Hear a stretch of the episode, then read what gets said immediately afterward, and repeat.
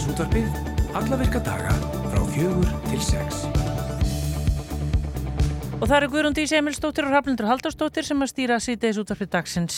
Já, eins og við heyrðum í frettunum, það er bæði orðið þungfært, eh, búið kingja niður snjó hérna allavega á Suðvesturhóttninu og svo eru ramastrublanir, meira en það hérna á eftir. En uh, það er ímyndilegt sem við ætlum að taka fyrir. Í lók síðasta árs þá hafðu greiningadeldi bankarna spáð fyrir um hvernig fastleikamarkaður myndi þróast árið 2024 og í þeim spám var gert ráð fyrir eh, raunleikning á fastleikaverði en þó nafnverðisækun að byrjunu 24% á árunum. Líka vangaveltur eru nú uppi um hvort að fastleikaverð á höfuborgarsöðinu munir rjúka upp í ljósi aðstana í Grindavík og er óvægt að segja að þetta sé algengasta spurning sem fastegnasalar eru spurðir á þessi dagrin. En hvað með grindvikinga? Hverju eru þeir að velta fyrir sér er varðar húsnæðismarkaðinn og hvaða spurninga eru þeir að spyrja þá sem að sísla með fastegnir? Páll á Pálsson, fastegnasalar, ætlar að koma til okkar á eftir og ræða þessi mál við okkur. Á Íslandi degja árlega meðaltali 39 einstaklingar í sjálfsvígi og er meira en helmingu þeirra yngri en 50 ára. Miðstöð sjálfsvíksforvarna var til hér á landi árið 2023 þegar förstu fjármagni frá heilbríðsraðunundinu var veitt ótímabundið í sjálfsvíksforvarnir og nú í dag klukkan 2 þá fór fram kynning á lífsbrú sem er miðstöð sjálfsvíksforvarna og lífsbrú sjóði í húsakinnum ennbættis landlagnis. Og málefnið er brínt, við ætlum að fá til okkar eftir Guðrún og Jónu Guðlósdóttur, hún er verkefni Framkvæmstjóri sjálfsvíks forvarnar hjá Embætti landlegnis og Högna Óskarsson geðlegni og ráðgjafa til að segja okkur betur frá. Kynninga á áætluðum hjólastíga framkvæmdum ársins fór fram í umhverjus og skipilarsáður Reykjavíkur í gær og einni var kynnt yfirlitt uh, á völdum framkvæmdum sem eru í undibúningi og gætu komið til framkvæmda á næstu árum. Unnið er samkvæmt hjólreiða áætlun Reykjavíkur 2021-2025 og alls að veri byggður upp 42 km af hjólastígum í, í borginni frá árunnu 2010. Við ætlum að skoða það allra helsta með Guðburgu Lilju Erlendstóttur hér á eftir. Eins og svo ofta áður þá rákustu á auðlýsingu og samfélagsmiðlum og að þessu sinni þá fjallaði auðlýsingir um hugmynd, hugmynd, sköpun og gleði. Tólmánaða ferðalag í átta sjálfbærum lífstíl. Og svo sem þarna minnir á sig heiti Sigriði Tryggvadóttir og er saumakona en hún kennir og stiður fólk sem vil tilenga sér sjálfbærni í fatastíl. Henni blöskrar ókaupa fatnaði og lélæri nýtingu. Og Sigriður ætlar að koma til okkar í útvarpi í dag. Og eftir nokkuð hlið þá verður með með vikunar á sínu stað. Allir fannar Bjergarsson er mættur á nýjan leik. Og svo ætlar Hallgrímur Indriðarsson fréttamaður aðeins að kíkja á, til okkar hérna á eftir en hann skrifaði ótrúlega frétt á rúf uh, vefin okkar í dag um, uh, hvað ég voru að segja, djúbstekta uh, tannstöngla en máli tengist heilbriðis yfirveldum í Suður Kóru og við ætlum bara að halda ykkur forvitnum því að Hallgrímur ætlar að segja ykkur betur frá þessu eftir. En uh, við ætlum að uh, byrja á að taka stöðun á steinunni Þorsteinsdóttur upplýsingafulltrú að landsnets en uh, ljóst er að það var ramaslöstu á Reykjanesinu um miðjan dag í dag steinun. Sælaflesuð. Já, sælaf. Er rama komið aftur á? Herri já, rama á að vera komið á allstæðar á Reykjanesinu. Við vorum bara núna svona rétt í þessu að, að klára byggjast kerfið þannig að það er allir notendur að vera komni með ramagn. Já, og það er búið að finna það út að það var elding sem að allir þessu ramasleysi. Já, að öllu líkindum hefur farið semst, eldingi í suðuniselínu eitt og orðið þessu valdandi að hún fór út og, og allir því að allt Reykjanesið var án ramags í törverðan tíma. Þetta voru þetta hvað held ég einhverja 40-45 mínútur þar sem mest var og það kannski sínur okkur og við höfum svolítið kannski talað lengi fyrir því að að hvað skiptir máli að komast í að byggja aðra línu á, til hérna út á Reykjanesitt. Það er vond, það er bara ein lína og það er eitthvað svona að kemur upp á. Já, og auðvitað kannski beintust, uh, já, hugar fólks, fólk kannski bara beint til, uh, hvað ég segja, jarðhræringa og tengdu þetta við það, en það var svo ekki núna. Já, öruglega, einhverju sem hefur dóttið það í hug, en það er náttúrulega búið að ganga mikið á, á Reykjanesinu, en þetta var, jú, þetta var náttúrulega móðun áttur að líka, þetta var veðrið við áttum vona og við fengum hérna slæmað þessbóði gær og, og það var búið að benda okkur á það að það gæti orðið eldingaveður og það gekk eftir að við fengum eldingu í, í þessa línu. Já. Ja, það er gott mál allavega að það sé komið ramagn aftur á Reykjanesið. Stein... Já, og kannski rétt að geta þess að þið hafi ekki með það að gera það ramaslust á einhverjum stöðum í borginni. Nei, það var það ramaslust í kjálfarið í Reykjavík í hérna, kerfi hérna, veitna uh, hvort að það er einhver, einhver hérna, þú veist, einhver hérna, snjóbolta áhrif, veit ég bara ekki alveg en, en hérna, þetta er ekki okkar kerfi. Nei. Steinu Þorstinsdóttir, takk fyrir að vera á línni hjá okkur. Herri, takk sem er leiðis, gangi vel. Takk, takk.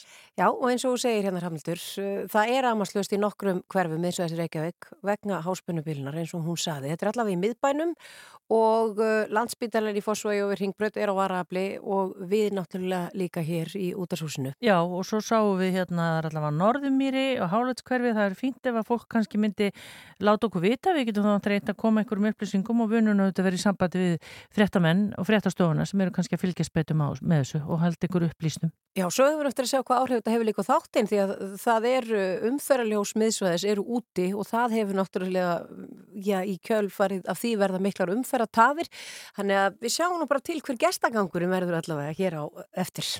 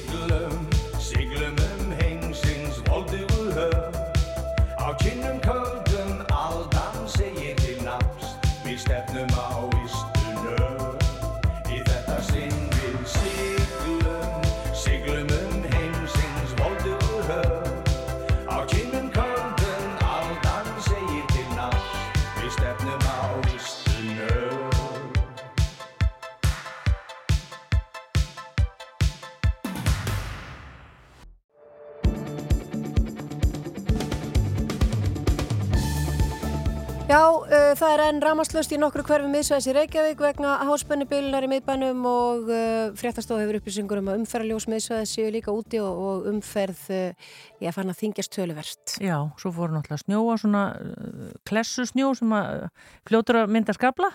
Þannig að þetta við bara, eins og segi, við látum ykkur vita fréttastofun er algjörlega á tánum og við verðum með uppfærað fréttir hérna bara eftir því sem vindur. En við ætlum að heyra næst af ótrúlegu máli því að við sáum frétt hér á rúvefnum okkar að heilbrís yfirvöld í Suðu Kóru hafa vara við æði sem að nú herjar á samfélagsmiðla. Það er þar sem fólk hefur djúbstegt tannstöngla, ég endur tek djúbstegt tannstöngla, þannig að þeir takja á sér svipaform og krullufranskar og síðan borða þá og uh, ég veit að það eru margir sem segja bara ha, en Hallgrimur Indriðarsson hann skrifaði þessa frétt og þýtti hana væntalega frá hérna, öðrum fjölmjölum, en hvað er þarna á ferðinni?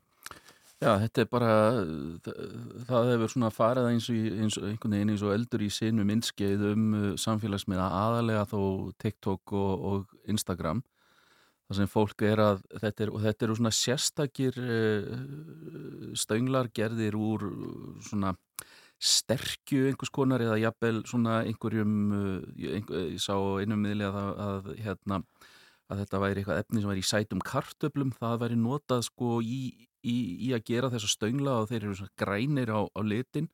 Og ég sá mér að segja á einum, einum sölu við að það veri auglist, þeir eru auglísi sérstaklega að þeir séu, séu sem sagt ætir En, en náttúrulega tilgangurinn með að búa til þessa stöngla á þennan hátti er að, að þetta er umhverfisvænt, þetta, þetta er lífrænt og þetta brotnar upp í, í náttúrunni. En einhver hefur sagt, fengið þessa snildarhugmynd að, að hérna, skella þessu í, í hérna, djúbstekingarfeiti og, og sagt, dreift þessu um og, og það menn hafa verið að gera tilhörnir með þetta og og uh, eitt myndskeið sem ég horfið á sko, það er einlega svona ótrúlegt einlega að horfa á þetta og það er einmitt svona uh, það er einmitt hægt að sjá það í, í þessari fæslu að einlega um leið og, og þessu er hendi í svona heita feiti þá, þá byrjar þetta einhvern veginn bara svona strax að, að svona tegjast á þessu og, og svona bogna og, og þetta verður uh, svona frekar fljótlega sko stökt ef, ef, ef ég get eftir svona að horfa á þetta, ég hef náttúrulega ekki gert þetta sjálfur eða komið við þetta en ef ég ætta að horfa á svona hvað þetta myndi á mig svona áferðin þá væri þetta svona eins og eins og svona, svona rækjuflögur sem að fær stundum á austurlenskum veitingastöðum, svona áferðin er, er svona einhvern veginn, einhvern veginn þannig. Og uh, það er sem sagt komið núna í tísku að, að, að hérna þegar, þegar mann eru búin að steikja þetta þá bara skellir minn einhverju góðu krydd á þetta og, og, og, og borði Og heilbríðisífjöld hafa semst verið að vara við þessu? Já, þetta, það voru heilbríðisífjöld Suðu Kóru sem svona allavega sáu ástæðu til að skella því á, á hérna, Twitter síðuna uh, sína, eða X heitir þetta núna, að uh, það væri ekki, eins og þeir orðuðu það, það, það væri engin vísindaleg eh, rauk sem bentu til þess að það væri örugt að, að hérna borða þessa tannstöngla þannig að fólk var vinsanlega speðið um að, að hérna láta það vera. Þetta er ótrúlegt og ég menna maður hugsa sko þarna að þið verðum að fjalla um TikTok og ímislegt fleira og eftir við alla fannari það sem fólki dettur í hug. Já, ha? en þarna er þetta bara, þetta er svona dæmigerst fyrir eitthvað sem verður svona vinsælt á, á samfélagsmiðlum, þetta er öðruvísi, þetta, þetta er hérna, og horfir á þetta og einmitt hugsun, ha, bara getur þetta gerst og, og hérna og svona óeinjulegt, skrítið og, og eftirtæktavert og, og þá eru einhverju sem frist að heyrðu, ég, ég verð að prófa þetta líka Já. og þá bara verður til svona snjóbolti. Æði. Já. Þetta er ótrúlegt og ég mæli með eh, góðu hlustundur að þið fari bara inn á rúfiðvinn og sjáu þess að fréttans Hallgríms og það er að sjá þetta myndband, þetta er algjörlega magnað og ótrúlegt og við séum bara vinsalast varið ykkur á þessu Já, ég, ég ætla að reyna að láta vera að prófa þetta. Já, takk fyrir komin í dag, Hallgrimur. Takk.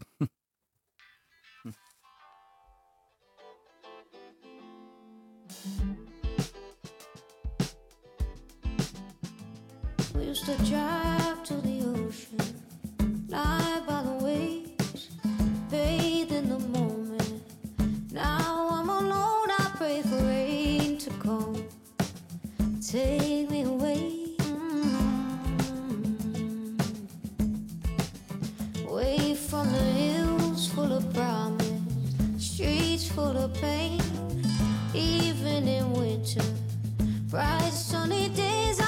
for rain to come. Oh, but it never does.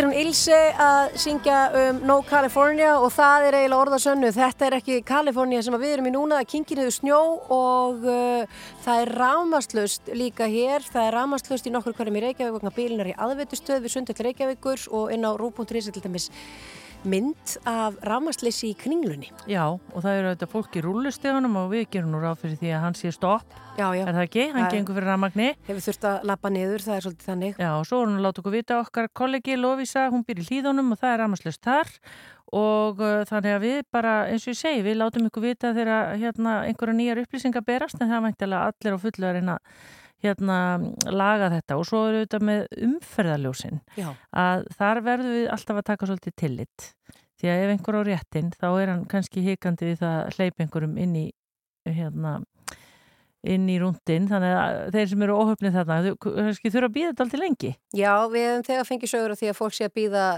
já, lengi vel í umferðinni Já. og Átni Freylisson aðvarstjóri umferð til eitthvað lauruglan og höfuborgarsæðinu býður fólk að vera bara mjög þólum og það er líka uh, að því að það er búið að kingja svona niður snjó þá er búið, að- hann er búin að þjappast mikið niður og það er mjög hált líka þannig að þetta eru bara varasamar aðstæður hann úti. En við ætlum að snú okkur uh, að allt öðru næstu mínúturnar því að uh, ætlum að tala hérna aðeins uh, um fasteignamarkaðin því að í lók síðasta árs þá höfðu greiningadeldi bankana spá fyrir um hvernig fasteignamarkaðin myndi þróast árið 2024 og í þeim spá þá var gert ráð fyrir raunlækkun á fasteignaverði en þó nafnverðisækkun á bylnu 24% á árunu. Og mikla vangaveltur eru nú uppi um hvort að fastegnaverða höfuborgsönnu mun nú rjúka upp í ljósi aðstæðana í Grindavík og eru óvægt að segja að þetta sé einn algengasta spurning sem að fastegnarsælar eru að fá þessa dagana. En hvað með Grindvíkinga? Hverju eru þeir að velta fyrir sér er varðar húsnæðismarkaðin og hvaða spurninga eru þeir að spyrja þá sem að sísla með fastegnir? Og hann er hingað komið til okkar Pall og Pálsson fastegnarsæli. Velkomin. Takk kælaði fyrir mig. Já, ef við byrjum bara á þessum, þessum spám sem að höfðu verið, mm. þetta er búið að vera, fastegnamarkaðurinn er búin að vera svona svolítið rólegur, er það ekki undarfærið? Sko, já og nei. Ég, sko, ég hef alltaf sagt að markaðurinn er, jú það er náttúrulega 15% minni sala núna heldur en var í fyrra. Síðasta ár sem er svona meðal ár, svona, ég myndi segja meðal ári, er svona 12 til 13.000 kaupsamningar á landinu öllu á ári og við vorum, það voru svona um 10.500 til 11.000, það er ekki alveg lokatölu komnar um 11.000 samningar á síðasta ári. Þannig að þetta er ekkit alveg alls slæmt, sko, en sko, ef ég get orðað, sko, líst markaðunum á svona einfaldasta máta, þá er hann, sko, kannski hljómar astanlega, en hann er svolítið pínu fullkomin, ef ég get orðað það þannig. Það geta allir keift, langt flestir, það geta flestir selt eignandi sínar, verðin eru ekki að rjúka einn upp. Og fólk er svolítið að bera sér saman kannski við það sem var einn á 21 þegar, þegar vittlisann var sem mest, það sem eignir voru kannski að vaksum kannski 2-3% kannski 2-4 miljónur á mánuði í verði. Og það er kannski tímabil sem við erum að bera okkur saman við. En það tímabil var í líka rosalega óvenjulegt. Mm. þannig að ég myndi segja bara svona já, hann er svolítið bara fýtt balans á þessu, þetta er bara svona gott jafnvægi á markanum eins og þessi dag Það var talað um þetta einmitt á þessum tíma sem þú ert að nefna 2021 kannski Já. og að þá var svona myndaðist svona, þetta var svona einhver halger hingavillisa því að Já. þú kannski varst búin að gera tilbúð íbúð svo seldist ekki íbúðin þín og svona þetta, fólk var einhvern veginn fast þarna. Er, Sko- það, er það ekki lengur? sko, það er meira að gerast núna Já, það er að gerast núna. 21 þá voru kannski 400-600 eignir inn á markaðanum en meðan eru kannski, þá er að tala um höfabróksvæðið en núna eru um kringum 2500 eignir á markaðanum og það eru sem sagt sko sölu tímin er lengri og þú veist þetta er svona eins og miklu, miklu eðlera það sem, sem, sem er í gangi eru þessar blessuðu keðjur. Þú er kannski með eign sem að þarf að selja sem er einbýlishús í selja hverjunu og svo sem kaupir einbýlishús í selja hverjunu er kannski með raðhús ykkur starf og svo sem með raðhús er að selja einhverju sem á hæði rauðalæk og svo sem á hæði rauðalæknum svo sem er að kaupa hann á einhverju íbúð í ég veit ekki, Galtalind, Já. skiljiði og þar lendi myndast keðja og það þarf ekki nema eina af þessum eignum ekki að seljast eða ekki ganga upp í nákvæmst tíma til þess að raun og veru keðjan fellir um sig Og það er, er meira núna. miklu meir um þetta núna Já, en þá er þetta bara oft þannig að hérna náttúrulega staðist ástæðan fyrir eignir er ekki að seljast er það að ef að, sko langa algengast ástæðan er það ef eignir eru ofátt verðlaðar og væntingar seljendir eru of háar fyrir um verð af eignunum sínu. Þannig að, en annars er bara eftirspurn og við sjáum bara, þú veist, ég nú bara að segja við því í símanum áðan, Gunnundís, að, að þú veist, kannski viku 51-52, þar sem er kannski eftirspurnin þessi minnsta markaði, þá eru kannski 8 til 11.000 manns að skoða fasteinavefin, en hann er komin upp í 26.000 í síðustu viku. Þannig að það er rosalega mikill áhuga á fasteinamarkanum akkurat núna. Mhm. Og þá komum við kannski að þessu Mhm. sem að já, ég var að segja hérna í enganginum að því að Mhm. Ég, þið eruð að fá þessar spurningar eins og er líka verið að spurja hagfræðinga og aðra að hvort Mhm. að markaðurinn sé núna bara að fara að rjúka upp. Já, út af stöðunni sem er í gangi en þið eru Mhm. líka í samskiptum við ég, fólk úr Grindavík já, sem, sem er núna í lausu lofti og er Mhm. vantarlega að ég, ég þarf að hugsa til reyfings og, og, og fjárfesta mögulega í fastegn. Hverju eru já, þeir sem þú hefur allavega haft samskipti við Já. að velta fyrir sér? já, ég er náttúrulega, er svona tengdur, konu mín úr Grindavík og stór hluta henni ætti er það, þannig að ég var bara með fólk á skrifstofunum minni áðan sem er einmitt úr Grindavík og er í rekstriðar líka. Og það eru allir og ég spurði bara hvað hvað nú, hvað eftir hverju er það að býða þá eru bara allir einhvern veginn hugur allra, eða flesta sem ég hef talað við er bara að býða eftir að ríki kaupa aðeim eignunar með einhvers konar fórköpsrétt til framtíðar. Þess að menn eru nú þessi sérfræðingar sem ég hef heyrti í fjölmjölum að þeir eru nú að þeir eru skoðum flestir að þetta er ekki algjör döðadómur fyrir sveitafélagi, þetta gætu orðið eitt ár en þetta getur líka orðið tíu ár. Skilið, þetta, þetta þessi, þessi, hérna, þessi óvisa en það er ekki til svo grindvikingur í dag sem er ekki leitið sér nýju heimili. Og ég einhvern veginn ég veit ekki alveg hvernig ég get svaraði hversu mikil áhrif, þið veitir þetta eru 12 til 1300 heimili sem þurfa að finna sér nýtt heimili og helst í dag. En sko fermetraverðina, meðal fermetraverð á sérbíli á síðast ári grindaði gerir kringum 410.000 þá hugsa maður sér, ok, er þessi hópur, segjum svo þú fáið það greitt út, er hann að ná? Verðmunurinn er svo mikill í bænum að kaupa sér hérna. Þess vegna held ég að þeirri skoðun að það verði meiri eftirspurn eins og þegar fann að finnast inn í Keflæk til dæmis og Suðurinsebæ sem er alltaf bara gar- garður og, og sandgerði þóllásöpjafil en það er það sem mjög margir að býða eftir er hvert raun og vera atvinnið þeirra mun þróast. Já. Hvar, hvert, vegna þess að flesti sem búi í Grindavík vinna í Grindavík, starfa þar og þeir eru svolítið að býða bara eftir okkur hvert er fyrirtæki mitt að flytja? Veist, þar, þar langar með að setja stað. Mm. en það er ennþá þessi byð sem grindvikingar er að býða eftir. Þeir vilja verðist ekki vilja taka einhver alveg ákvörðan ok, hérna ætla ég að búa eða hérna ætla ég að búa fyrir en bara þau vita hvað verður um eignar sína og þau eru bara eftir að vera keft út. Mm. það er bara almenn umræða En ef hún nefnir til með eins og bara söðunni sinn, ég Já. meina, og bara gefum okkur það að þetta verði kannski tímabundi sem við vilja svo fara bara aftur til grinda ykkur ef það mun ganga upp. Eru til nóga, til nóga húsnæði? Nei. Nei. Þetta er bara sama, sta- sko raun og veru, þetta er ekkit ólík stað og var í Vestmanni um 1973 að það var bara ekki til nóg mikið húsnæði þannig að það var flutt inn og ég spá í því og því held ég, því fyrr sem að yfirvöld átta sig á því að það þarf að gerast eitthvað mjög hratt. Eins og við gerist í Vestmanni um sín tíma þá voru flutt inn 500 sem sagt 500 ein- svona einingarhús Já, svona viðlaða sjóðshús eins og eru þekktir í dag sem voru bara byggð á 20 mismöndu stöðum.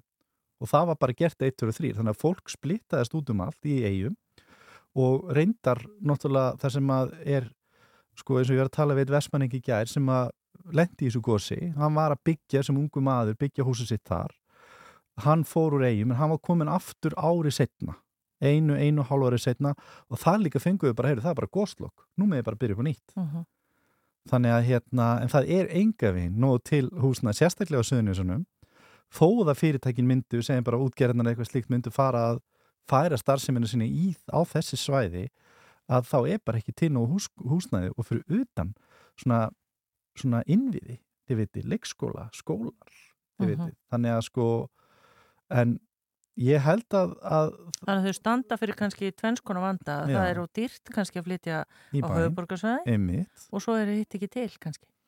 það er svolítið vandamáli. En, en ef að segjum sem svo að það erðu flutt inn svona einingahús, Mm. þarf þá ekki að eiga samtalið eins og þú segir, það það mæntalega að vita hvar starfsemin verður þar sem þau eru að fara að vinna og þarf þá ekki að eiga síðan samtalið við grindvikinga um hvar þau myndu vilja stinga sér niður. Sko það er nú eitt af því sem ég hef komið stað í samtölu mínum við grindvikinga, þessi fólki sem tengist mér, er að þeim líður svolítið að það er ekki nógu mikið tala við þau. Og það er sko, og ég talaði við einu konu sem minn tengd mér líka sem er á þingi og sko, og ég einhvern veginn sko fattaði það, hverju er ekki bara til einhver sko lagður upp einhverja, ekki einhver svona ein ríkislöst, skiljiði mig, einhver svona ein leið sem er verið að vinna í á hverju er ekki bara lagður upp kannski, nú er ég að vera svona, sér, svona Facebook sérfræðingur, COVID sérfræðingur á Facebook, en þetta er náttúrulega bara skoðun en það sem allavega með við þessan samtölu sem ég hef átt við fólki mitt er að sko, á hverju er kannski ekki bara lagðið til okkur tveir, þrýr kostir, það er gerðið einhverju kannanir, það er fengið að tala við fólkið hvaða möguleikur er bóðið vegna þess að það er ekki ein löst sem hendar öllum. Sem sagt svona þarfa greining. og það þarf að vinna mjög bara og það er að gera það bara í könnunarformi á netinu. Og síðan bara kemur ríki kannski ok, hér er leið A, leið B og leið C. Þannig að fólk sem er kannski kannski fólk á aldrei um 60 ekki með einn heima eða, eða hafa kannski allt öðru sér þarfir til þess að fólki sem var Kristjónum minna áðan það var að kaupa sér íbúninni miðbar Reykjavíkur til þess að flytja í. Og meðan kannski fjölskyldufólk er kannski með allt, allt aðrar þarfir og, og, og getur til þess að kaupa annað Og líka eins og þú segir, kannski er fólk yfir 60 sem að á einbílshús í Grindavík vill bara fara í litla tvekjaherbyggja íbúðingstar annar staðar. getur retta sér þannig Já. Þú veist, en svo er þetta spurning þú veist, alveg eins og þessu umræði eigum á sínum tíma þetta samtal sem ég átti við einn aðalega sem ég þekki mjög, ég seldi fyrir hann fyrir nokkur mánu síðan og ég ringdi bara beint í hann og hérna, og þessu umræði í Vestmannum á sínum tíma var bara yfir fann, sko, oftast svo að fólk ætlaði ekki tilbaka. En svo skilaði fólk sér tilbaka þó að það hafi ekki alveg jafnað sig frá þeim tíma. En þá eru, eru bara flesti sem fóru tilbaka og byrjuði það bara nýtt líf. En, en svona kannski bara í, í lokin, uh, Pál, spáir því að húsnæðisverð hér á höfuborgarsveðinu eigi eftir að rjúka upp eða, og svo er líka skilgreiningin á höfuborgarsveðinu, hver, hver er hún? Mí, ég kom í nýja skilgreiningu sem heitir bara pallaskilgreining. Það er nýja höfuborgsvæði mitt er raun og veru bara Akranes, Selfoss og Reykjanesið. Það er bara því að það eru svo rosalega margi sem hafa búið í bænum og undanförnum 5-10 árum flutt á þessa staði og unnið samt áfram í bænum. Mhm. Og svo er kannski viðveru skildan orðið minni, COVID kent okkur það, það kannski er ekki þörf fyrir það alltaf. En, en hérna, Akranes, Selfoss og, það er að segja, ef þú ímyndað er sko ring frá Selfossi, nei, semst Akranes, Selfoss og Reykjanesið, já, að það verður svolítið svona er að verða svolítið svona höfuborgarsvæði það er svona ný lína, það er svona allavega svona mín skilgreining, hún er það reyndar ekki almenna skilgreiningin. Næ, en, um, en uh, ég held að fastegnaverð ef ég á að gera svona pínu Nostradamus að hækkunin verði meiri heldur en 24% sem greiningardeildina voru að spá. Uh, ekki bara út af þessum, ekki gleyma því að okkur eru fjölgafnar í 20.000 manns að síðustu árum. Þannig að gríðarlega fólksfjölgunum á Íslandi.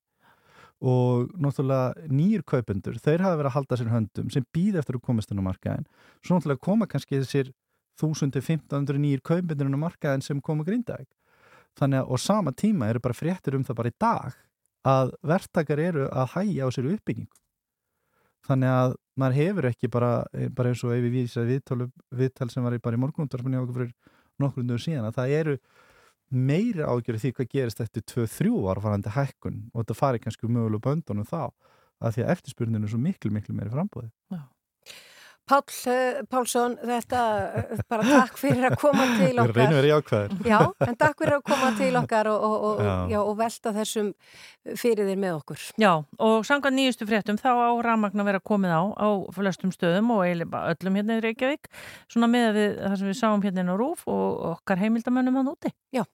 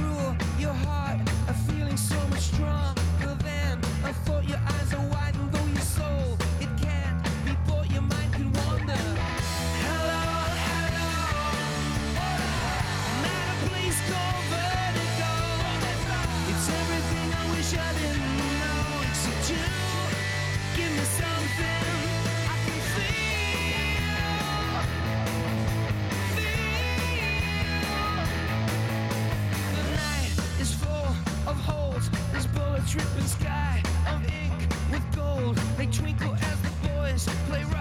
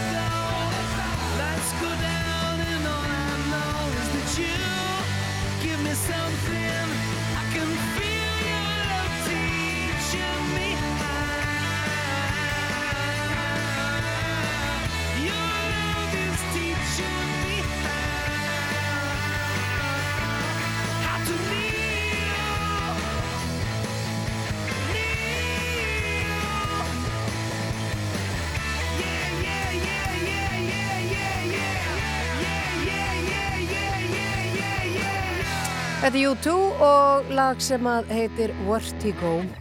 Og eins og svo ofta áður þá rákust við á auglýsingu á samfélagsmiðlum og þessu sinni fjallaði auglýsinginu með hugmynd, sköpun og gleði, tólmónað ferðalag í átta sjálfbærum lífstíl.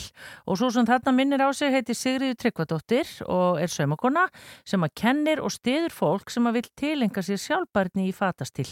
Henni blöskrar ákaup á, ákaup á fatnaði og léleiri nýtingu. Það er náttúrulega margir sem eru henni, henni sammála. Og Sigriður er semst hinga komin. Vertu velkomin. Takk fyrir kærlega, takk fyrir að bjóða mér. Segðu okkur aðeins af svona þinni eh, svona vegferð í þessu. Þú ert alin upp við saumavélina, er það ekki? Jú, sko, mamma vann hlutastarf sem saumakona og hún lærði allt sitt af mömmu sinni og, og síðan var mamma náttúrulega bara á kafi í búrtablöðunum og ég elst sagt upp við að horfa á hann að vera að taka upp sniðin og sauma og, og um leið og ég fjekk í rauninni bara svolítið vit þá fór hún að kenna mér. Já.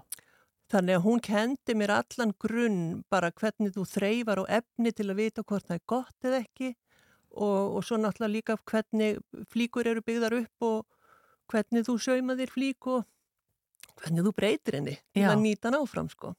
Þannig að þú varst ekki kannski endalust í búðunum sem krakki, heldur bara mamma mér langar í þetta og... Já, það var svolítið þannig og, og svo komu náttúrulega doldi mörg ár þar sem að þetta var bara ekki cool. Það var ekki cool að sauma heima hjá sér sko. Þannig að ég saumaði ekki mörg ár en ég byrjaði að sauma fyrir svona 20 árum síðan og ég fór strax í að breyta, mér fór svo gaman að breyta og, og fekk á rosalega þörf fyrir að hérna, vera í öðruvísi fötum heldur en allir. Allir aðrir. Já, Já. já, það hérna, er ekkert ofsalega hérna, fjölbreytt úrval í búðunum í, á Íslandi sko. Nei.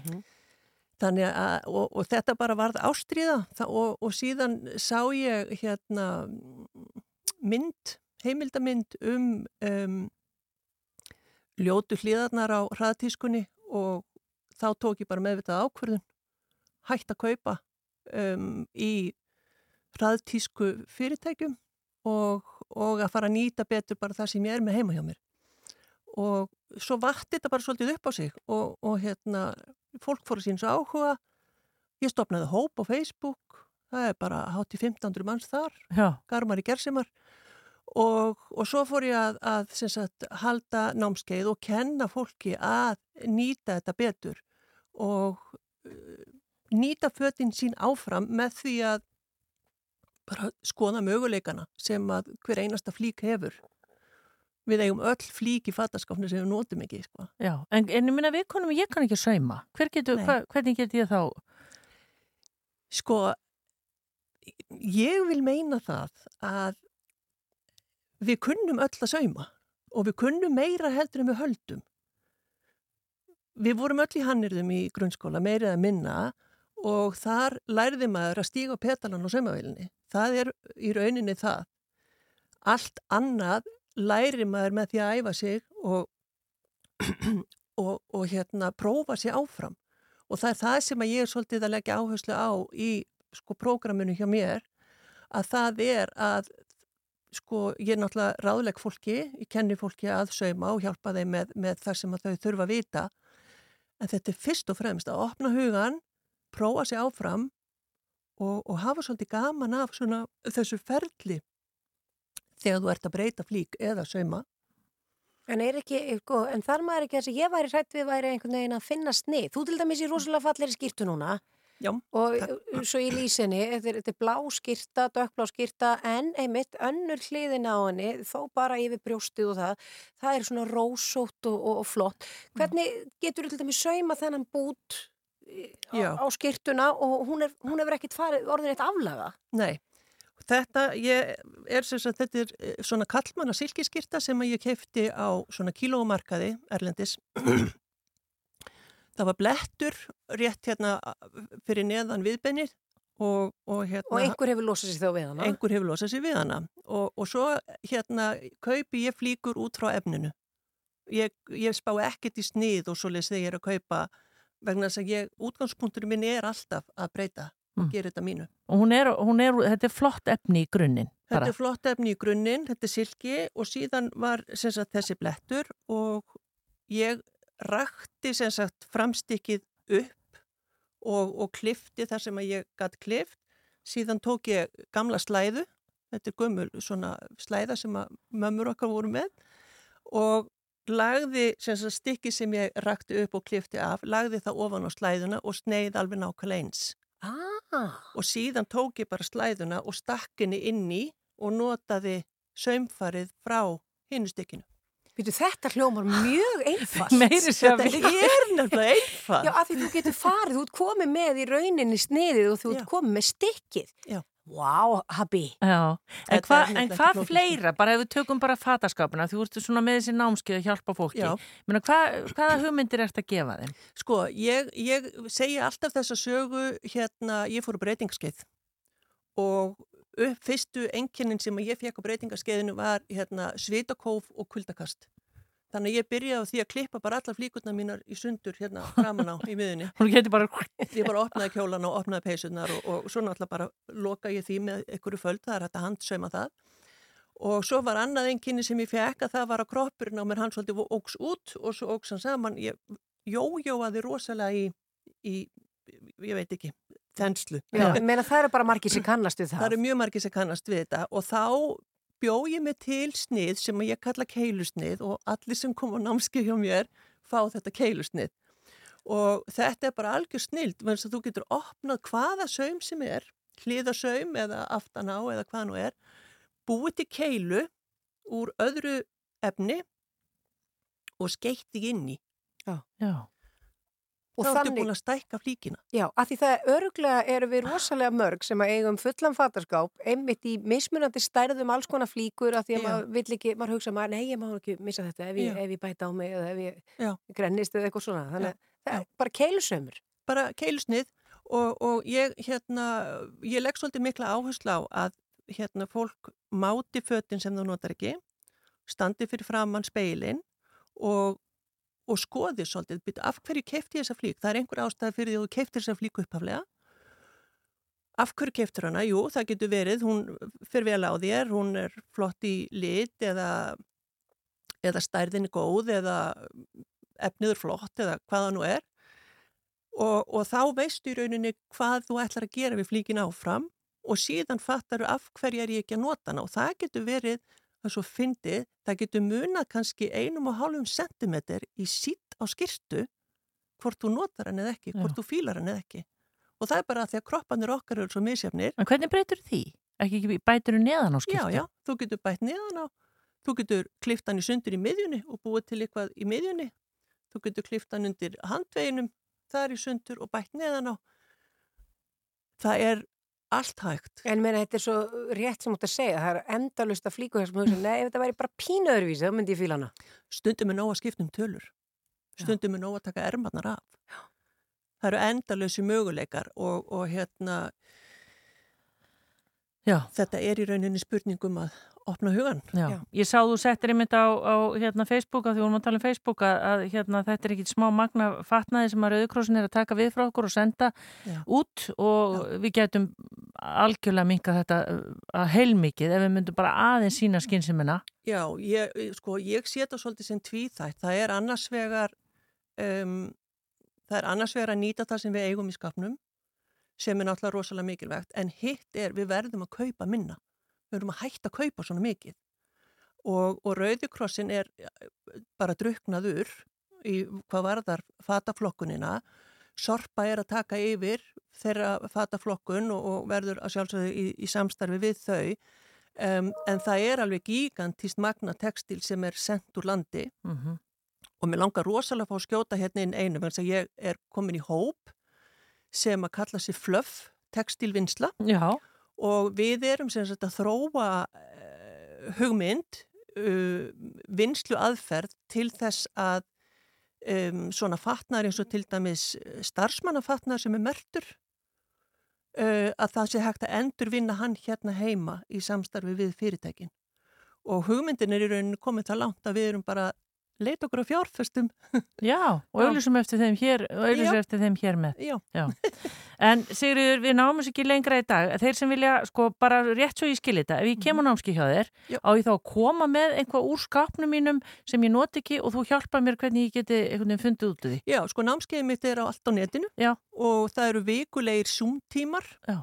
og þá getur þú komið með hvaða flík sem er og við ræðum um hana og ég er með eitthvað svona ákveðið tækniatrið sem ég kenni í, í, í hverju mánuði og svo er ég með reysastóran gagnagrunn af kennslu í myndböndum og, og, og hérna fatabreitingum og svona bara sem að ég hef verið að búa til sjálf. Þetta er alveg magna. Allar í skápun í kvöldguna. Það er svo Fari- mikið í já. skápnum, sko, ég, ég er að drukna, en já, ég þyrti að fara í skápin. Og er þetta ekki rétt Það hjá þannig að þú notar alltaf hvað er ekki? 20% að tala um það að fattaskapniðinu? Þetta er bara alveg fyndið, sko. Já. Hvað við notið lítið. Þetta er algjört grín. Að benda bara á Facebook síðuna þina, Sigriður Sýrið Tryggvadóttir. Tryggvadóttir, já. Já, það þökkum við því bara kærlega fyrir komuna, Sigriður Tryggvadóttir, og segjum bara kaupum minna og, og breytum meira. Já, Takk fyrir Eh, mig. Ég ætla að hleypa hérna að þessu lægir, Hafnildur, svo Já. erum við bara að fara í tilkynningar og fréttir Já. klukkan 5 og svo Heyrast eftir höldum við áfram hérna. Takk fyrir komuna.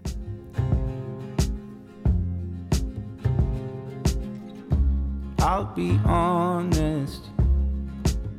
I'll be honest for you. Yeah, yeah. Yeah. And if we're talking, I'm gonna tell you the truth. Yeah. You and me made a lover of an enemy. Yeah. Stop, comes V. We're gonna make a memory. You've been on the west side, showing them your best side. You've been wearing new jeans and shoes. While I've been living less life, sleepless, get no rest nights, thinking about us and how I do. You and me made a lover of an enemy.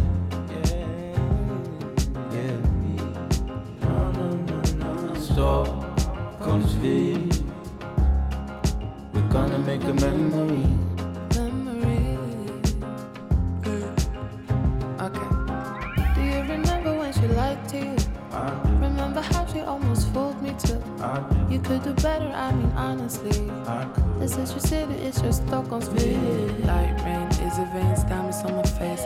I don't wanna say I'm not okay. You say you wanna go, I wanna stay. Baby, it's okay. Yeah, I'm okay by myself. You and me made a lover of an enemy. Yeah. Stop, comes V. We're gonna make a memory.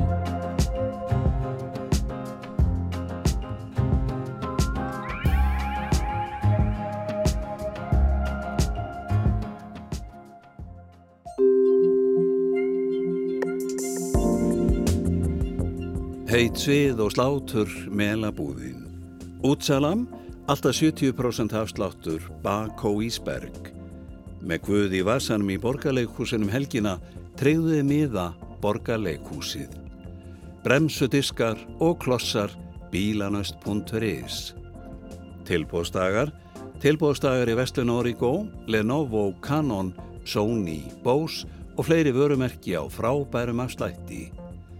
Startarar og alternatorar ljósbógin.is Kveikmyndasafn Íslands kynir Bíotekið eitt sunnudag í mánuði hefst hann 28. janúar klassískar kveikmyndir og sögur frá Íslandi, Palestínu, Japan og Þískalandi nánar á bioparadís.is Rensun 80% afsláttur af öllum vörum FOS Outlet Herralagurinn Holtagörðum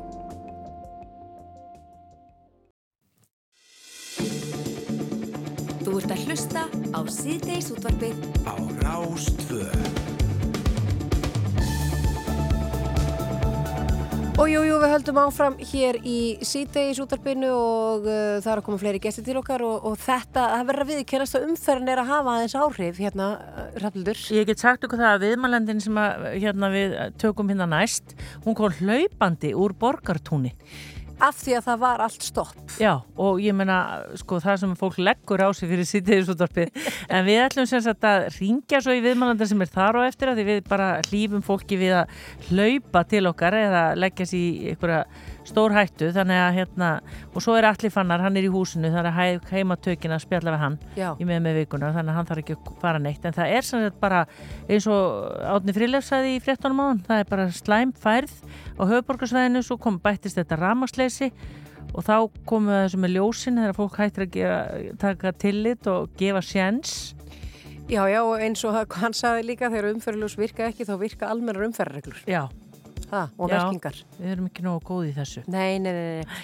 En já, eins og við vorum að segja, við ætlum að kynna okkur aðeins hjólastíga í Reykjavík hérna á eftir. Svo er það með með vikunar og, og við erum mjög gladar að allir fannar sér komin úr löngu og góðu jólafrí. Emmitt og hér eftir smástund þá ætlum við að heyra af uh, miðstöð sjálfsvíks forvarna sem var opnuð á síðasta ári og heitir Lífsbrú og uh, já, fræðumst meirum það hér á eftir eftir smástund uh, frá henni Guðrúnu Jónu Guðlögsdóttur.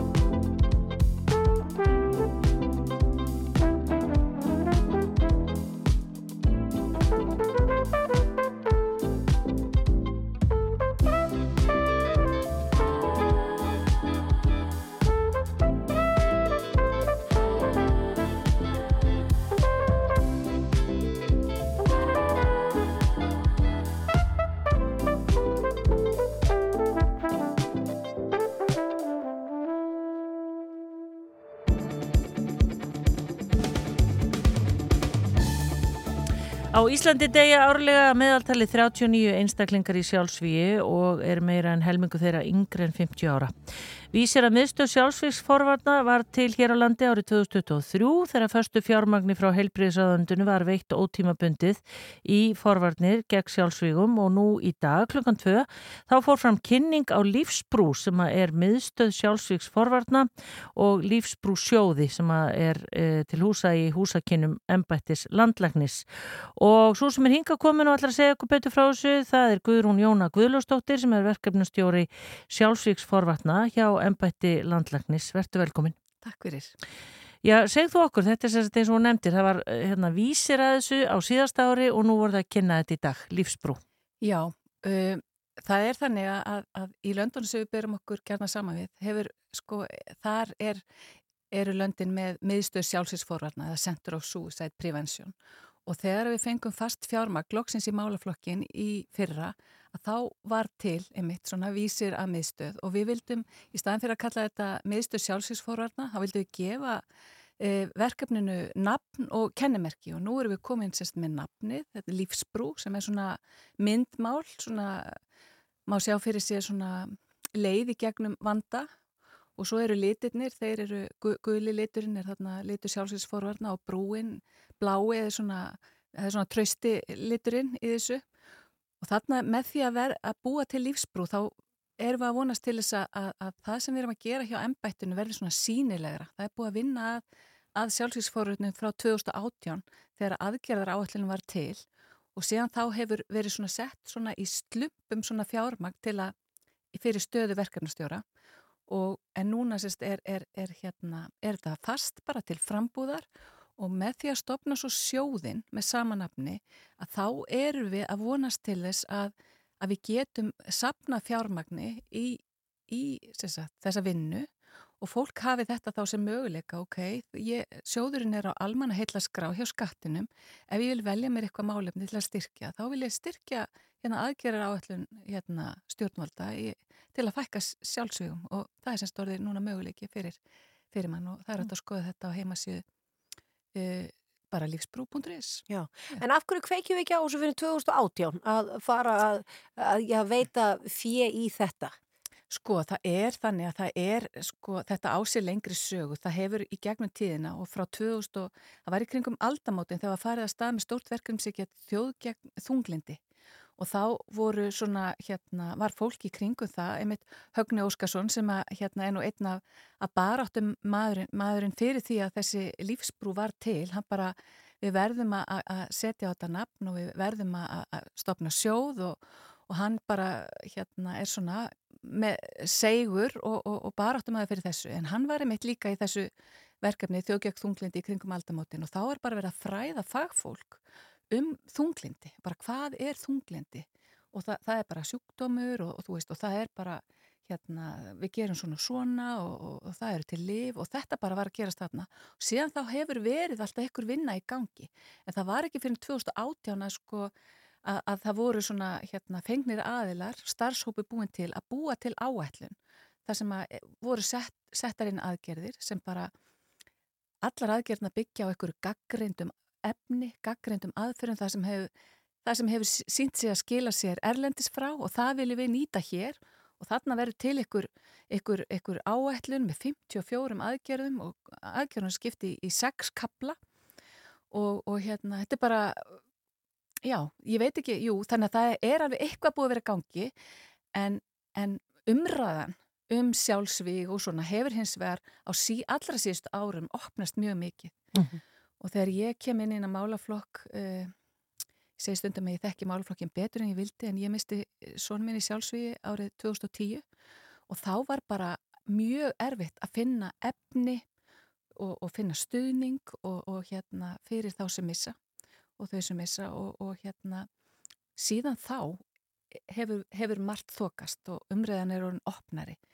Og hérna en, en það veist og margt sem hefur hjálpað eins og svona láþröskuld úrræð eins og píeta og bergi þú veist umræðan verður til með, í svona oft í grassrútinu og það hefur það hefur alveg, hérna, það vita flestir hver, hverju píeta eru. Já, Já. En hvernig verður starfseminni þarna hátað? Er þetta móttaka fyrir fólk Nei. sem er líður ítla eða er þetta fyrst og fremst svona fræðsla og forvarti? Já, þarna eru við, sem sagt, við, embættið er sem sagt að styðja við og búa til og aðstóða við að búa til samræmt verklag, til dæmis samræmt verklag eftir sjálfsvístilrun og þá hefur embætti frumkvæði að því að leita til þeirra sem færastir eru og er að sinna e, fólki sem gerir tilrun til sjálfsvíks. Bara hvernig viljum við veita stuðning eftir sjálfsvíkstilrun? Sæði ég ekki örglega sjálfsvíkstilrun? Jú, jú, já, já. Og, og það eru þetta landsbítalinn, þar er okkar hérna, fólki í því sem tekur á móti fólki í krísu, það, píeta eru líka mögulega í því og, og, og fleiri og þannig sagt, leitum við og skoðum það sem við erum að gera annar staðar, bæði á Norðurlöndum, Evrópu og, og víðar, hvað, hvernig er við að styðja fólk eftir sjálfsýstilun, hvernig hjálpum við fólki að stíga inn í lífið aftur eftir að hafa gert alvarlega tilraun. Þannig að embætt er ekki veina, veita neina meðferð, heldur eru að styðja við og, og, hérna, svona klára aðgeri sem að um, er búið að sína fram á að muni hjálpa í að fækka sjálfsvíðum. Já, en hvernig hjálpum við, ég menna nú er þetta oft talað um sko að uh, þetta hefur komið eins og þrjum ár heiskjöru lofti hjá mörgum og bara uh, oft talað um kannski að viðkomandi hafa bara liðið vel og eitthvað neginn svo leiðis, en hvernig, hvernig náum við til þessa hóps? Já, þetta, þetta er, það er hérna einmitt, hérna, það er ekki alltaf þannig að sé langur aðdraðandi að sjálfsvíði. Stundu kemur þetta eins og segir algjörlega hérna fólki að óvörum. En þess vegna bara með því að, að við tölum um það að við bara við alla í kringum okkur að ef manni líður illa, að maður eigi bara, þú veist, það er oft fyrsta skrifi fyrir þann sem líður illa bara að opna umræðin, bara segja frá því, bara, bara hvernig manni líður. Og það er líka, þú veist, að við sem að, að, sjáum að vinnufélagi okkar eða vinnur er einhvern veginn ekki eins og vanur og bara, heyrðu, ég var ágjur að þér, þú hefur, þú veist, að við stígum skrefið og bara virkilega gefum okkur að, þú veist, það eru, veist, það er ein aðgerðin sem við til dæmis erum að horfa á er svona efni sem að er einmitt bara svona mjög stutt hjálp, svona eins og skyndihjálp, eins og við vitum hvernig við, ef ykkur hérna framið fengi hjartaáfall, við myndum allar vita hvernig við ættum að bregðast við, Mm -hmm. en ef ykkur segðu hérna við okkur í lyftunulegin niður, bara ég, bara sé ekki alveg fram úr þessu hvernig mér er búið að líða þér núna undarfærið. Við myndum ekki vita. Nei, og, og fólk verður líka bara svona feimið kannski og, og, er ekki að stíga það inn í. Akkurat. Og að því að það er líka búið að segja okkur svo ofta að við verum að vanda okkur þegar við tölum um sjálfsvík að fólk er líka orðið hrætt bara reynlega að, bara að nefna orðið að því að hrættum að segja eitthvað vittlust. Þannig að en við getum, við getum sko eh, hérna komið leifinningum áleiðis og við, við viljum gera það í gegnum hérna, gegnum bæði í gegnum heilsuveru.is sem er nú hérna þar sem að eiga að vera upplýsingar fyrir almenning og það er ennbættið og lífsbrúi með þetta vinna að því að komin efni um, um, um sjálfsvísforvarnir og, og, og hérna það er heilsuvera, það er allt efni sem er þar inni er sett inn af sagt í samfunnu ennbættisins heilsugjastlunar og, og landsbítalans þannig að það er efni sem hægt er að treysta á þannig að það er á að vera hægt að finna efni fyrir almenning, það er bara, þetta er í vinslu þetta er eitt af verkefnum lífsbrúar eða, eða embættisins á þessu sviði. Já. En er, er ekki örugt að það verður þá áfram fast fjármagn frá heilbriðisáðunandinu í þennan málflokk eða hvað? Eitt stöðugildi, ég er hann fastræði núna Já. og loksins, en við... Drópin hólar steinin. Já, en, en mér fannst svo frábært í dag, því ég var að hlusta á, á Viljum, nú er ég búin að hugsa, hann sagði að, að hérna, auðvitað þarf að setja fjármagn í málaflokkin En, en við þurfum líka átt okkur á því að sjálfsvíð er málefni margra ráðunita og það er akkurat held ég hérna meinið, þú veist, það er svo erfitt að stóla að fá fjármagn endilega frá einu ráðuniti í þetta, þetta þurfa ráðunitina að, að hérna koma sér saman, við þurfum að, að stiga inn í skólaumhverfið og gera kennara og námsókja og aðra og geta stutt við ef það verður hérna inn í skólakerfunu, það eru viðbrasaðalarnir og það er, þú veist, ómsmálaráðnitið og þið veitir, það eru öll ráðnit, þetta er málefni allra ráðnit. Já, það eru öll ráðnit undir þegar þú segir þetta. Já, þannig að hérna auðvita vonust við til að fá hérna fjármunni frá hérna stjórnvöldum inn í þetta, þú veist, að því að þetta er, en sjóðurinn, hann, hann, hann verður líka til og þannig að ef að fólk vil leggja málefnunni þá er það líka eitt möguleiki. Já, þannig að þú fái vinnufélaga líka, Guðrún. Já, fleiri hendur. Fleiri hendur, þá væri eh, afskaplega gott að fólk, einmitt sem er aflögufært, þá er þetta lífsbrú, það er þessi sjóður sem að hægt er að leggja málefnunni. Og er það heima síðan ykkar? Já, það er, það er, það er lífsbrú hérna punkturis og þar finnum maður lífsbrú sjóður og það er hérna, skal ég segja, og, og bara þegar að verið er að ákveða hvaða verkefni á að fara í og þá er það stjórn hérna, sjóðsins og í samræði við fagrað sjálfsvíksforvarna sem er hjá ennbættinu og það er valin maður í hverju rúmi. En að þú veist, þetta er hérna, við verðum náttúrulega uh, þegar að mörg verkefnin er og stór þá er þetta forgangsraða. Þannig að þetta er hópurinn sem að sér um það. Já. Þetta er svo sannlega framfara skref Guður og Jóna Guðlustóttir verkefnstjóri sjálfsvísforvagna hjá Embati Landlengis þú ert dropin sem hólar steinin bara takk fyrir komin og gangi ykkur óskaplega vel og við munum fylgjast með ykkur Takk fyrir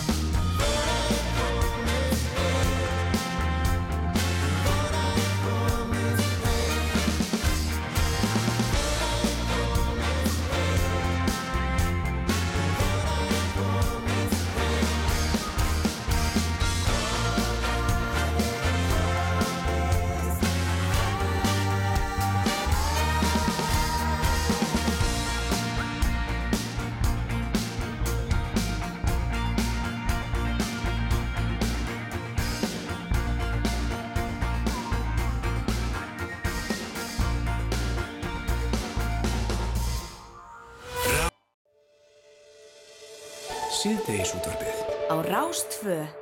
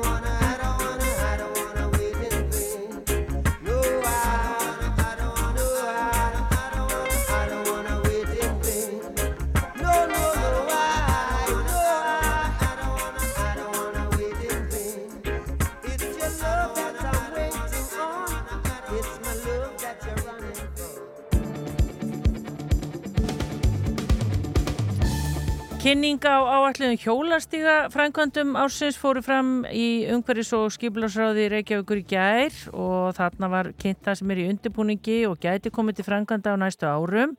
Og það er unnið þarna samkvæmt hjólreiða áætlun Reykjavíkur 2021 til 2025 og uh, við erum komin með uh, konu á línuna sem heitir Guðbjörg Lilja Erlendsdóttir. Og uh, hún ætlaði nú að hjóla til okkar en það fór að snjóa, er það ekki rétt hjá okkur Guðbjörg?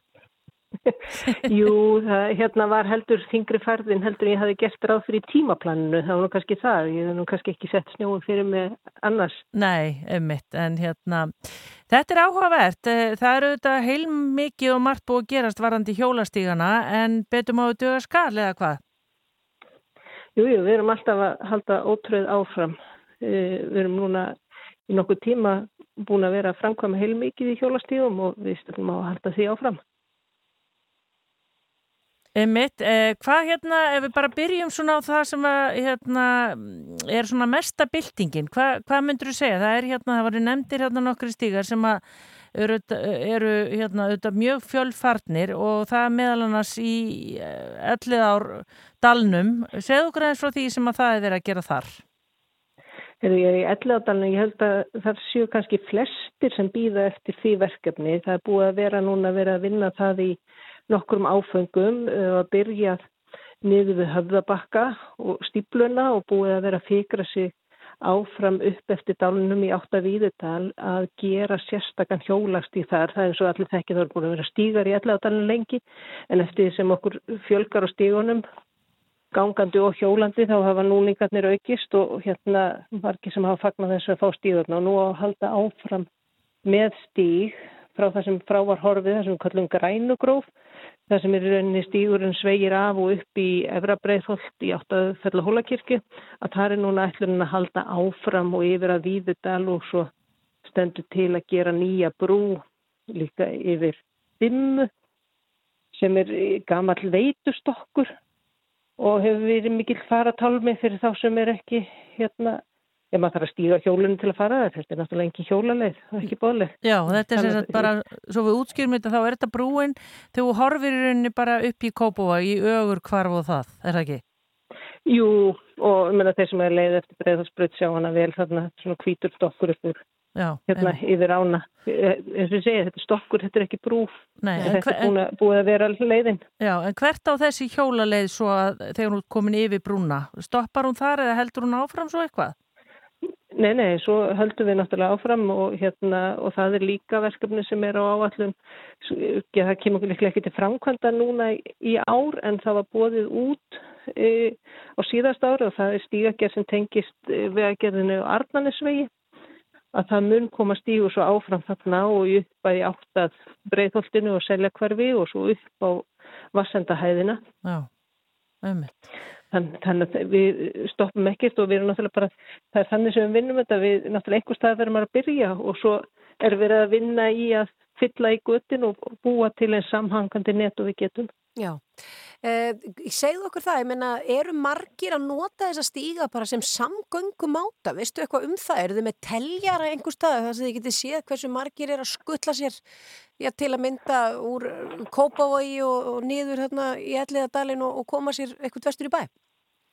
Já, já, já, við erum með fjöldatæljar á höfuborgarsvæðinu og hérna sem eru bara stöðugt hægt að fylgjast með, þeir byrstast allir inn á vefsíðinu okkar borgar, hérna við borgarvefsjána, þannig að það getur hver sem er farið inn og kýrt en, e, þann, en við fylgjast með því og það eru á góðum dögum, ég, ég leðum með að segja, yfir þúsund mann sem fara yfir á þess sem er fjölmennast en svo eitthvað farra og við munum bara staðis hérna á Suðurlandsbrautinni við Nordica, það eru oft ekstra millir 200-300 þar Já.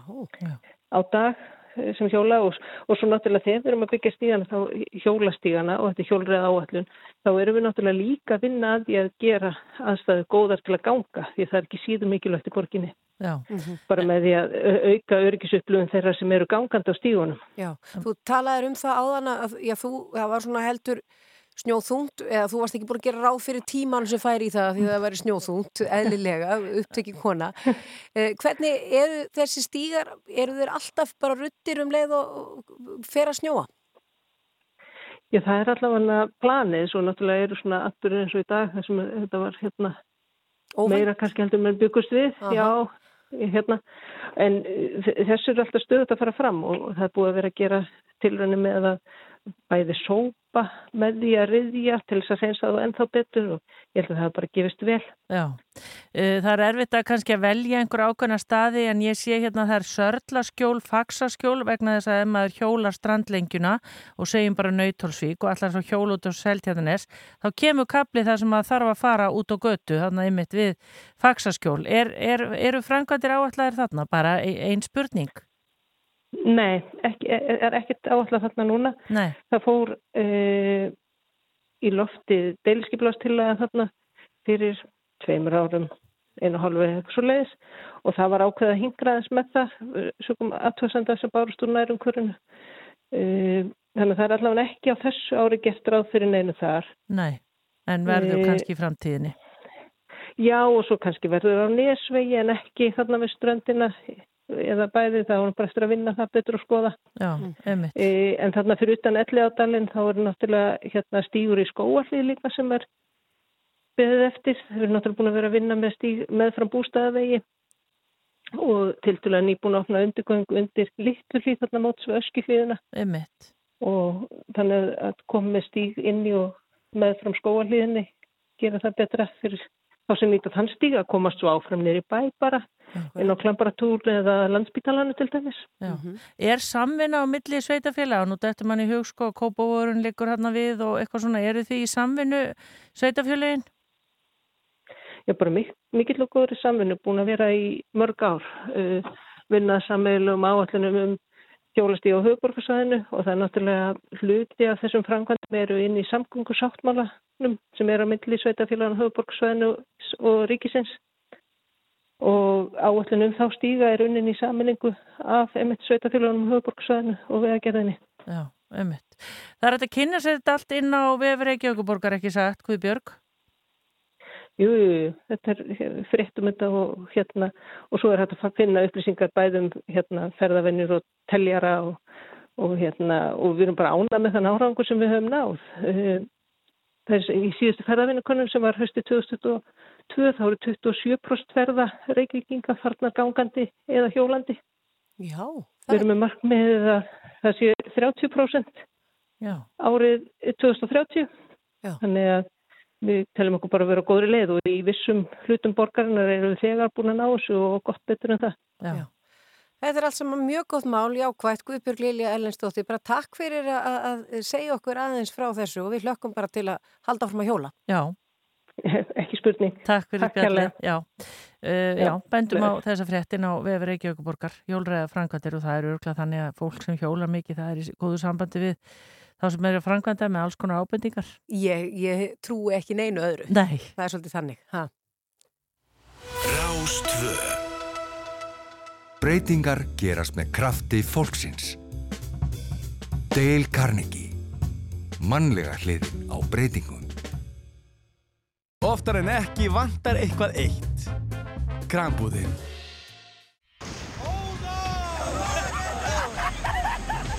Gefðu upplifun. Gefðu óskaskrín. Við eigum úrval af skemmtilegum gjöfum til að gleðja bóndan.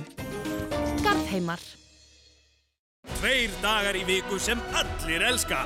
Þriðjudagar og förstudagar. Eurojackpot breytir lífinu. Tvísvar í viku. Síðdegisútvarpið Á Rástfö.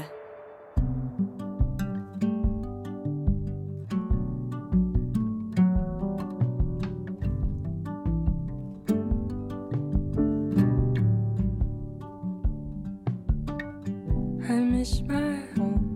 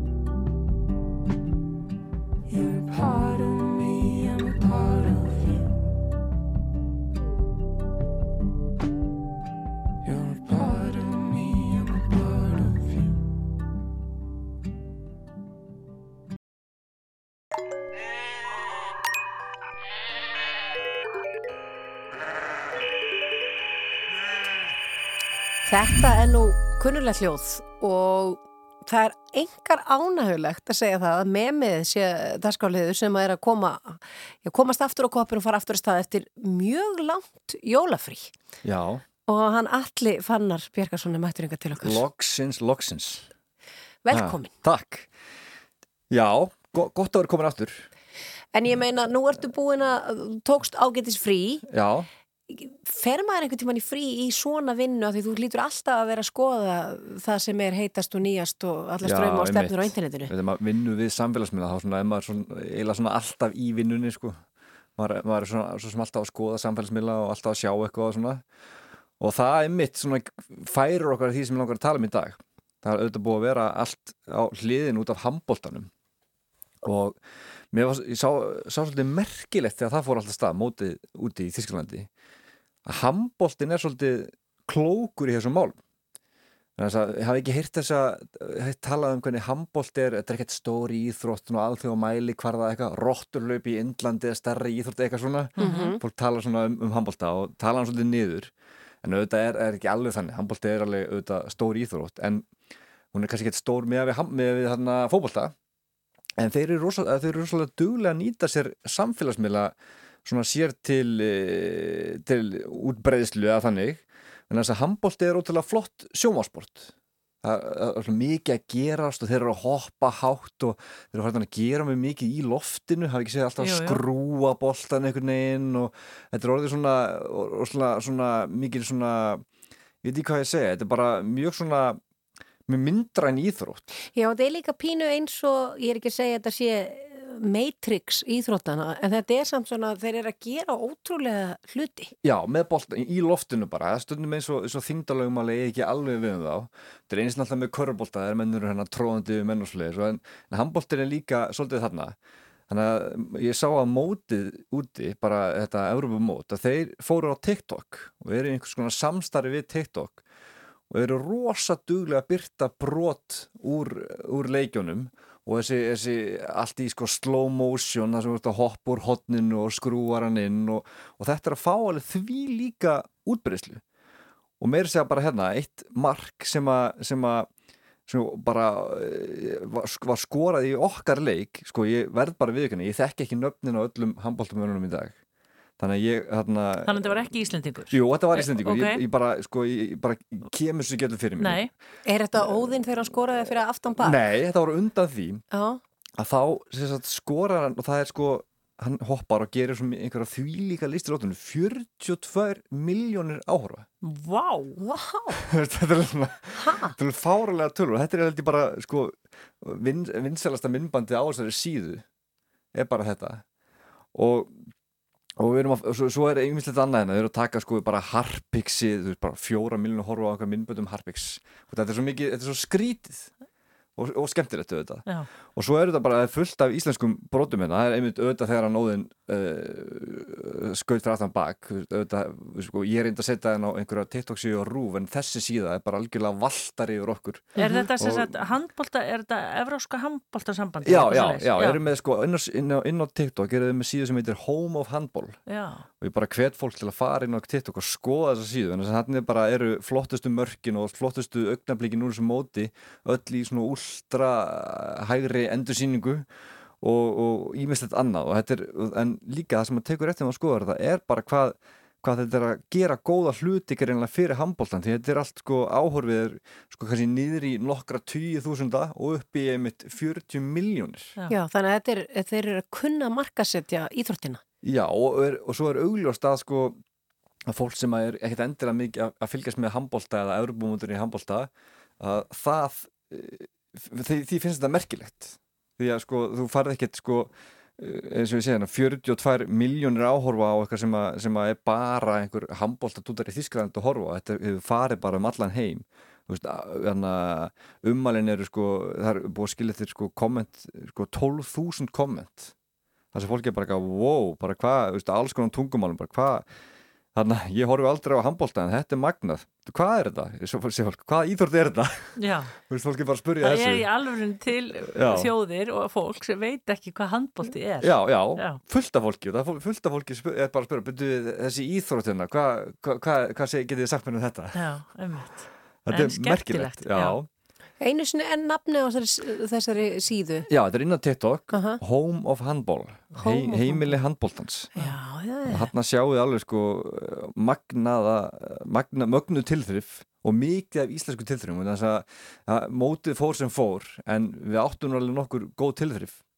Og, og, og þau, þau eru þarna alveg einmitt eh, skjóta fyrir aftan bak og einhver sirkusmörk og, og þeir eru að hoppa hátt og þetta er alveg, er alveg magnað. Ég held að við hefum öll gott að fara inn á þetta allavega þeir sem eru með TikTok aðgang og skoða þetta því að við sofakartefbrunnar og sérfræðingarnir sem eru með eitthvað að rakka liði einmitt. fyrir hitti að þetta við, þú veist, þetta er margt af því sem þeir eru að gera er nána svona einhvern veginn ómennst eða eitthvað svona sem get, er bara að vera Einmitt. mjög erfitt að gera og einmitt verið í hnóðinu þarna í klukkutíma það er ekki auðvelt Nei, Nei, og það að er við- ekki auðvelt. Nei, og að því vorum að tala um handbólta þá notaði ég tækifæri að horfa á hérna, leikin í gær, Ísland-Östuríki á östurísku sjónastöðinni ORF Já. og það var svo gaman að heyra þulina tala um sem sagt handbóltan er maður er svo gott að því að þeir voru sko að í rauninni lofa íslensku leikmennina og Aron Pálmarsson væri bara eitthvað annað og allt þetta og myndust aldrei á það að við hefum þurft að vinna með fimm mörgum til þess að komast áfram það var ekki málið, þetta voru þau bara að hugsa um Östuríki var líka að vinna við vorum ekkert að pæla í það hvernig þeim leið. Nei, nei. Þannig að maður, ég hafði svo gott að því að horfa á þetta með hinu sjónarhóttinu að ég mæli með Já. Það er bara En maður þarf náttúrulega að kunna austurísku reyndar. Eða þetta er að vísu þýska Já, sko. eða þýsku. Nei, ég meina ef að fólk hefur tækifæri að því að við erum í okkar eigin búblu Já, já. og höldum að handbólti sé bara en það hefur nefni sko heilu þjóðirnar og eitthvað veit ekki hvað þetta er. er. og við vorum alveg brjáluð eftir leikin í gær en, en, en við vorum ekki átt okkur þegar við vorum líka eðliki fyrir þeim Já, þeir þurftu að vinna til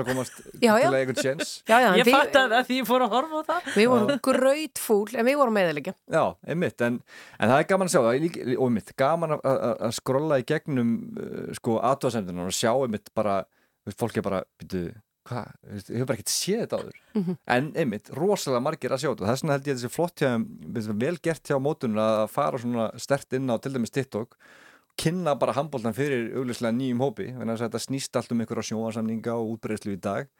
Þannig að mögulega er þetta bara að fara að stækka þetta mót enn meira Eru, eru við kannski að fara að horfa upp á fleiri rúrika verða til?